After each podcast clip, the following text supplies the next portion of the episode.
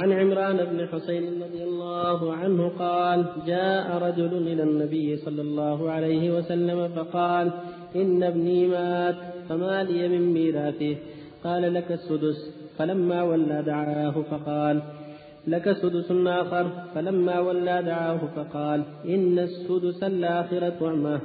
رواه أحمد والأربعة وصححه, وصححه الترمذي. وهو من رواية الحسن البصري عن عمران وقيل إنه لم يسمع منه. وعن ابن بريدة عن أبيه رضي الله عنهما أن النبي صلى الله عليه وسلم جعل للجدة السدس إذا لم يكن دونها أم. رواه أبو داود والنسائي وصححه ابن خزيمة, ابن خزيمة وابن الجارود وقواه ابن عدي. وعن المقدام وعن المقدام بن معدي كرب قال قال رسول الله صلى الله عليه وسلم الخال وارث من لا وارث له أخ. الخال وارث من لا وارث له أخ. الخال وارث من لا وارث له أخرجه أحمد والأربعة سوى الترمذي وحسنه, وحسنه أبو زرعة الرازي وصححه الحاكم وابن حبان. وعن أبي أمامة بن سهل رضي الله عنه قال كتب عمر إلى إلى أبي عبيدة رضي الله عنهما أن رسول الله صلى الله عليه وسلم قال الله ورسوله مولى من لا مولى له والخال وارث من لا وارث له. رواه أحمد والأربعة سوى أبي داود وحسنه الترمذي وصححه ابن حبان. وسلم على رسول الله وعلى آله وأصحابه ومن اهتدى. أما بعد فهذه الأحاديث تتعلق بالمواريث.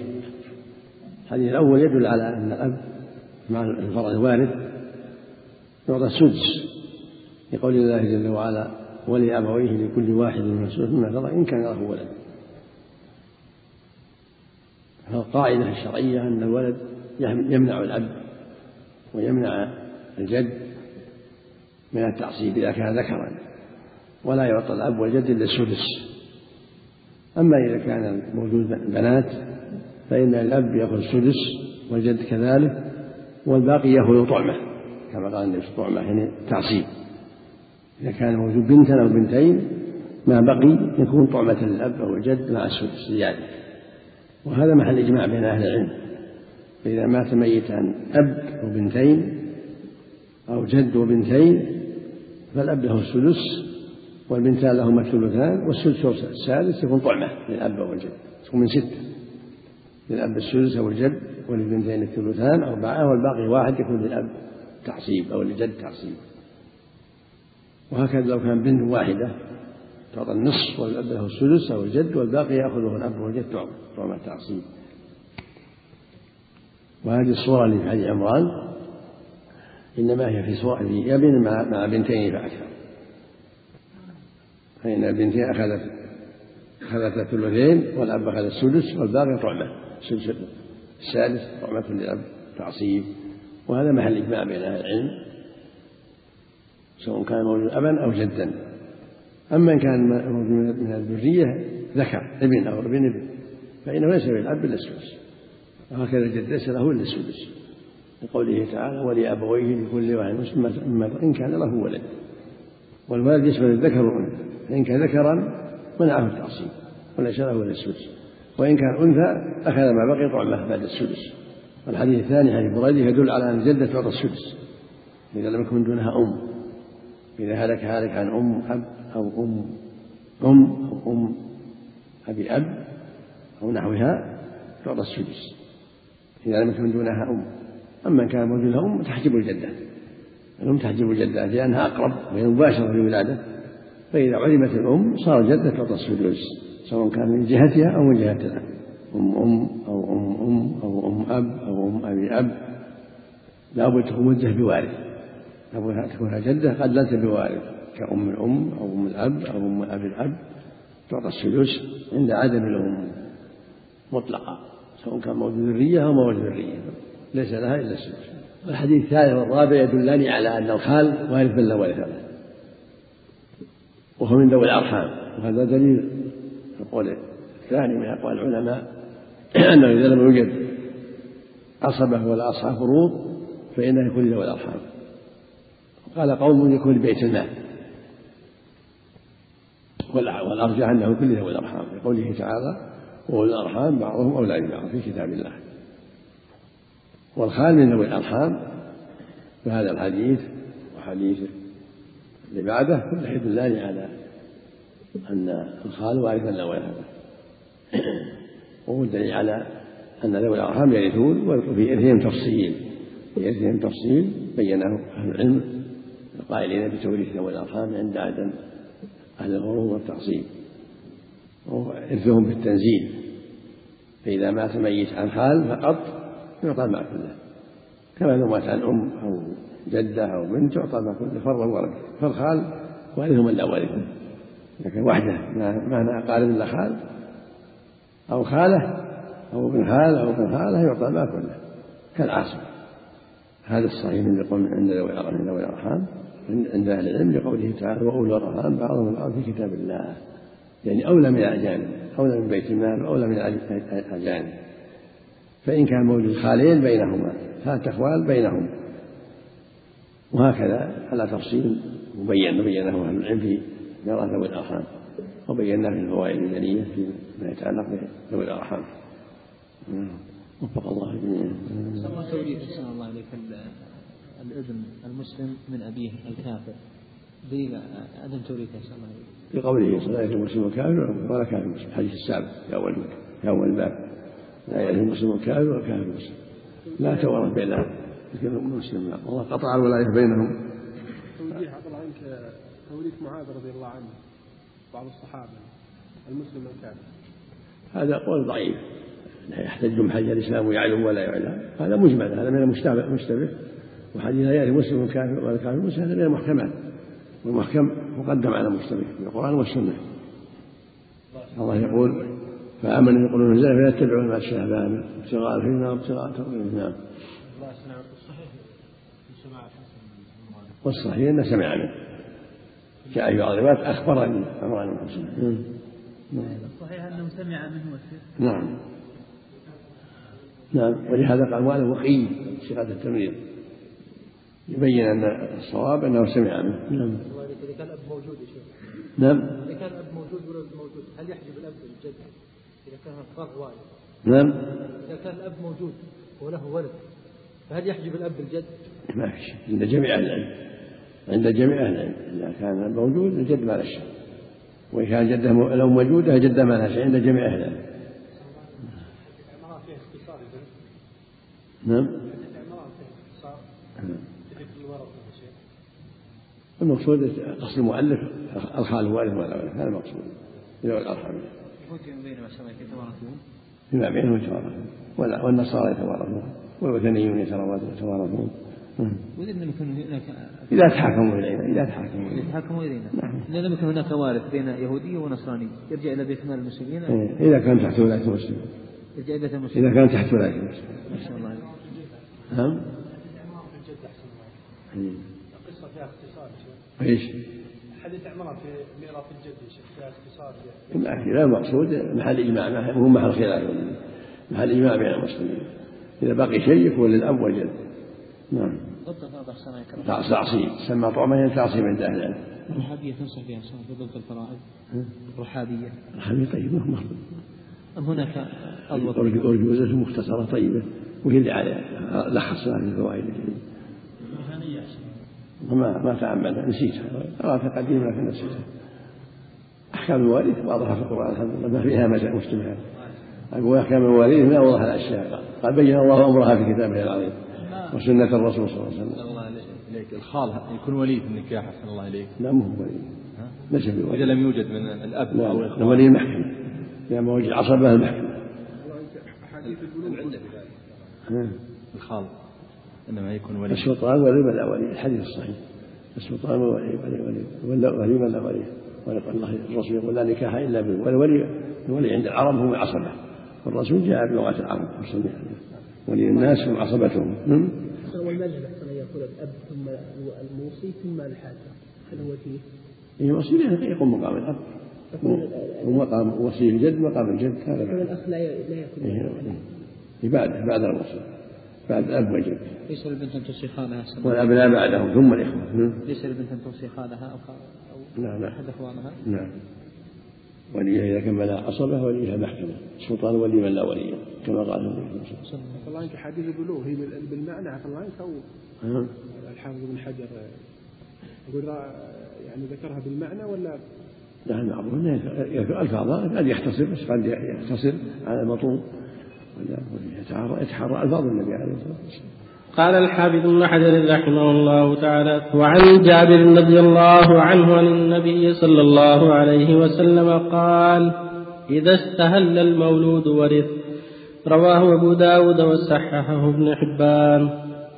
وعن عمرو بن شعيب عن أبيه عن جده قال قال رسول الله صلى الله عليه وسلم ليس للقاتل من الميراث شيء.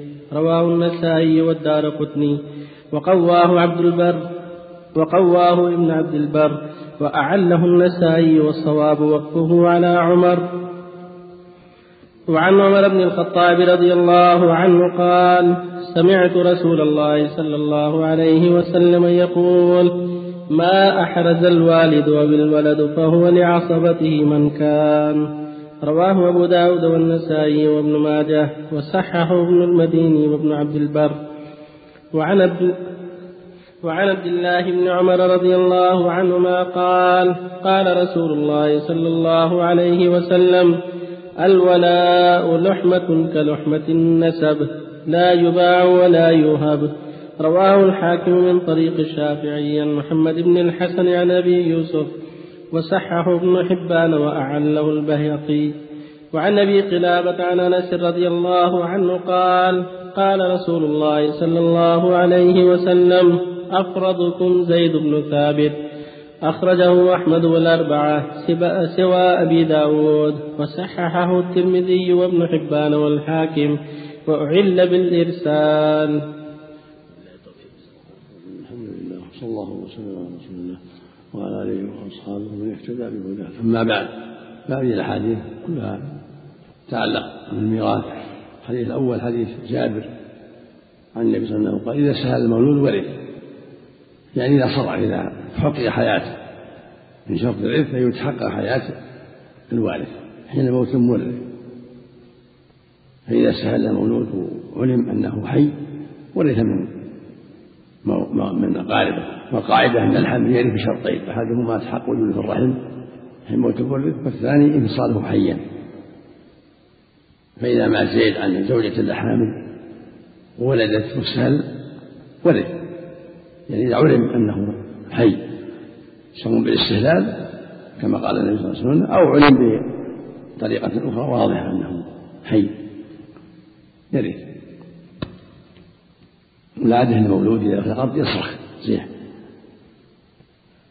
فالمعنى إذا تحقق وجوده وانفصل حيا فوجود الرحم بأن تلده قبل ستة أشهر موت المورث لأنه يلحق أنه موجود في رحمها ولا بد أن يكون أيضا ينفصل حيا. يعلم أنه انفصل حيا حتى يرث من أبيه أو من أخيه أو من عمه على حسب حال الورثة الحديث الثاني يقول صلى الله عليه وسلم ليس للقاتل الميراث شيء القاتل يتعجل قد يقصد تعجل الميراث وظلم الموروث فعوقب بنقيض قصده هو متهم فليس له شيء سواء كان القتل خطأ أو عمدا من موانع عرف القتل. فما وجب قصاصا أو دية أو كفارة منع من الإثم لعم الحديث. أما إذا كان القتل بحق قتل قصاصا فإنه يرث. قتل ولده قصاصا يرثه لأنه في حق. وثبت عن عمر أيضا ما يؤيد الحديث المرفوع وهو عنه وهو لا شك أنه واضح. هو محل كان محل إجماع في الرق والقتل واختلاف محل محل إجماع في الجملة. الحديث ما أخرج الوالد فهو لعصبة من كان. إذا مات إنسان وراح عصبة فماله لعصبة وإن كان له أصحاب فرض أعطوا فرضهم فما بقي هو العصبة وإن لم يكن له أصحاب فروض فالذي وراه العصبة كله. مات إنسان عمه عن ابن عمه يعطى. أما إن كان مات عن زوجة تعطى الزوجة حقها والباقي العصبة مات عن أم تعطى أم فرضها والباقي العصبة وهكذا كما هو معروف. الحق الفرائض بأهلها. فإذا كان لم يكن له أصحاب فرض فماله لعصبته الحديث هذا مجمل حديث ابن عباس المتقدم فيه التفصيل. الحق الفرائض بأهلها وهو أصح من هذا. فما أوقت الفرائض فهو لأولى رجل ذكر. والحديث الرابع يقول صلى الله عليه وسلم الولاء لحمة كما النسب. لا يباع ولا يفهم الولاء وصف من حق الإنسان بسبب العتق. فهو كالنسب لا يباع. ما يقال ولا فلان أبي هذا فلان. كالنسب. فإذا كان له عتيق فهو ولي. هذا العتيق ولي أيضا ذريته إذا لم يكون يسبق لا يقع عليهم يقبل لأحد فلا يباع ولا يوهم. لهذا الحديث الصحيح نهى رسول عن بيع الولاء وعن هبته في الصحيحين. فلو قال إنسان كان بيع ولائي من فلان فبيع باطل لأن الرسول نهى عن ذلك. ولأنه ليس بمال. يباع مثل ما ما يبيع نسبه ما يباع بنسبه من آل فلان.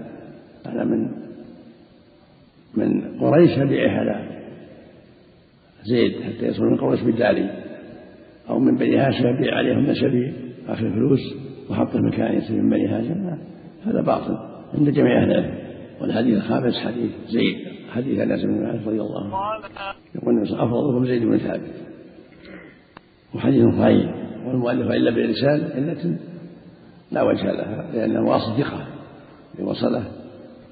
والقاعدة إذا فإلا الحديث بالرسال والواصل ثقة أو بالانقطاع ووجد من يصله زالت العلة. والحديث هذا قد ثبت مرفوع أنس عند ابن ماجه وغيره فزالت العلة. في رواية أرحم أمتي بأمتي أبو بكر وأشدهم في دين الله عمر. وأصدقهم حياء عثمان وأتقاهم علي وأقرأهم أبي بن كعب وأعلاهم بالحلال والحرام معاذ بن جبل وأبرضهم زيد بن ثابت ولكل أمة أمين وأمين هذه الأمة أبو عبيدة بن جراح رضي الله عن الجميع المقصود أن هذا معروف زين علمه في الفرائض والتقدم فيها أمر معلوم عند الجميع. لكن له أشياء خالفه فيها غيره. والصواب لا غيره. كالجد. يرى زيد أنه ليس بأب والصواب أنه أب كما قال الصديق وجماعة.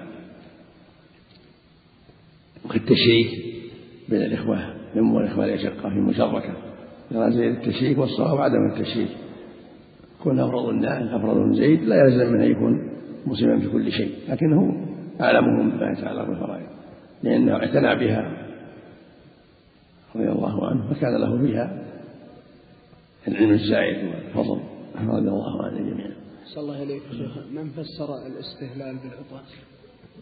المقصود وجد ما يعلم بحياته والاستهلال هو الصراخ استهل صح لو مات بعدها صلى الله عليه ولو مات ولو لو أقل من دقيقة. يعني. ولو مات بعد أن صرخ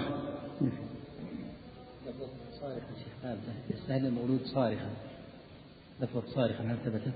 في بعض الروايات نعم لكن لو ما لو ما ثبتت بكر وأشدها في دين الله عمر هذا صحيح لا بأس به جيد عند ابن مالك جيد. إذا كان القتل بحفر البئر وضع حجر في الطريق نعم.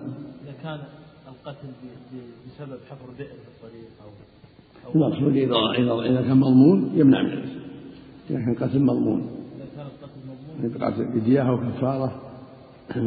فإنه يمنع. أما إذا كان لا بحق ما هو مضمون ما يمنع. مثل الدفاع عن نفسه الحاصل إذا كان مضمون ما يمنع. شيخ من كان أغلب ماله ربا وتركه هل يورث ماله؟ يورث. يورث ماله. إلا إذا علم يقينا. شيء من الربا ينبغي الله يتصدقوا منه يحتاطوا. لأن قد يختلط قد يشتبه إذا علموا أنه هذا جزء. إذا صدقوا به يكون أحوط لهم. لا يكون الربا أو يعلموا أنه مقصود من لفلان أو ما أشبه ذلك. إذا علموا فيه ينبغي لهم أن يحذروا. أما إذا ما علموا فالأصل السلام علمت إنه اشتغل في بنك الربوي؟ وقد اشترى سيارة ب 12000 ريال. هل عليه إثم في ذلك؟ قد يكون لها إذا كان لها أسباب أخرى قد يكون ما تعلم ما عليك شيء. قد يكون لها أسباب أخرى. النبي اشترى من اليهود وهم أهل الربا لأن علمت أن هذا المال نفسه من الربا.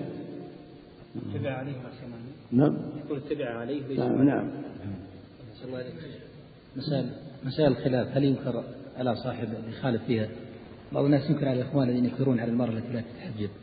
يقول هذه مسألة خلافية. المرأة التي لا تتحجب لا تغطي وجهها. بعض الناس ينكر على بعض الآمرين وغيرهم يقول هذه مسألة خلافية ليست بإجماع العلماء. هذا غلط. لا إنكار في مسائل الاجتهاد مو بالخلاف. الخلاف قد يكون في فيه نص. مسائل الاجتهاد اللي ما فيها نصوص. هذا معنى كلام العلماء. مسائل الاجتهاد مو مسائل الخلاف. أما مسائل أما مسائل الخلاف ما ثبت فيه النص ينكر من على من خالف. ولو كان قال به عدد من العلماء. ولو ولو العبرة بالنص جزاك الله. أحسن الله إليك. ما هو أقوى دليل على تغطية وجه المرأة من السنة؟ من السنة حديث عائشة. لما رآها صفا معطفة من الصحيح. قال كان قد رآني قبل الحجاب فلما سمعت صوت خمرت وجهي. نعم. أحسن الله. مع مع نص الحال الآية الكريمة إذا صلت تمسوا من ورائهم ذلكم أطهر لقلوبكم وقلوبهم. يرد به من جانب المعتر نعم. الولاء يرد به من جانب المعتر إيه من جانب معتر بس. جانب واحد. نعم نعم. قال المؤلف رحمه الله تعالى عن ابن عمر رضي الله عنهما أن رسول الله صلى الله عليه وسلم قال ما حق امرئ مسلم له شيء يريد أن يوصي فيه يبيت ليلتين إلا ووصيته مكتوبة عنده. متفق عليه. وعن سعد بن أبي وقاص رضي الله تعالى عنه قال قلت يا رسول الله أنا ذو مال ولا يرث ولا يرثني إلا ابنة لي واحدة أفأتصدق بثلثي مالي؟ قال لا قلت أفأتصدق بشطره؟ قال لا قلت أفأتصدق بثلثه؟ قال الثلث والثلث كثير. إنك أن تذر ورثتك أغنياء خير من أن تذرهم عالة يتكففون الناس. متفق عليه. وعن عائشة رضي الله عنها أن رجلا أتى النبي صلى الله عليه وسلم فقال يا رسول الله إن, أمي اقتتلت نفس إن أمي اقتلت نفسها نفسها ولم توصه. وأظنها لو تكلمت تصدقت. أفلها أجر إن تصدقت عنها؟ قال نعم. متفق عليه واللفظ لمسلم. لا بسم الله الرحمن الرحيم. الحمد لله الحمد لله وصلى الله وسلم على رسول الله. وعلى آله وأصحابه. أما بعد فهذه الأحاديث تتعلق بالوصية. الوصية مشروعة للمؤمن إذا كان له شيء يوصي فيه. دين عليه ليس عليه بينة يجب عليه يوصي فيه. يحب أن يوصي بالثلث أو بالربع أو بالخمس يستحب له يبادر بذلك حتى لا يعرض له عارض يحول بينه وبين ذلك. ولهذا في حديث عمر يقول صلى الله عليه وسلم ما حق امرئ مسلم؟ له شيء يوصيه يبيت ليلتين إلا ووصيته مكتوبه عنده هذا هو السنة إذا كان الشيء يريد أن يوصي فيه وهذا فيه تفصيل كان دين أو حقوق عليه ليس عليها بينات يجب عليه أن يوصي بها. الدين لاهله والحقوق اللي عليه لأهلها.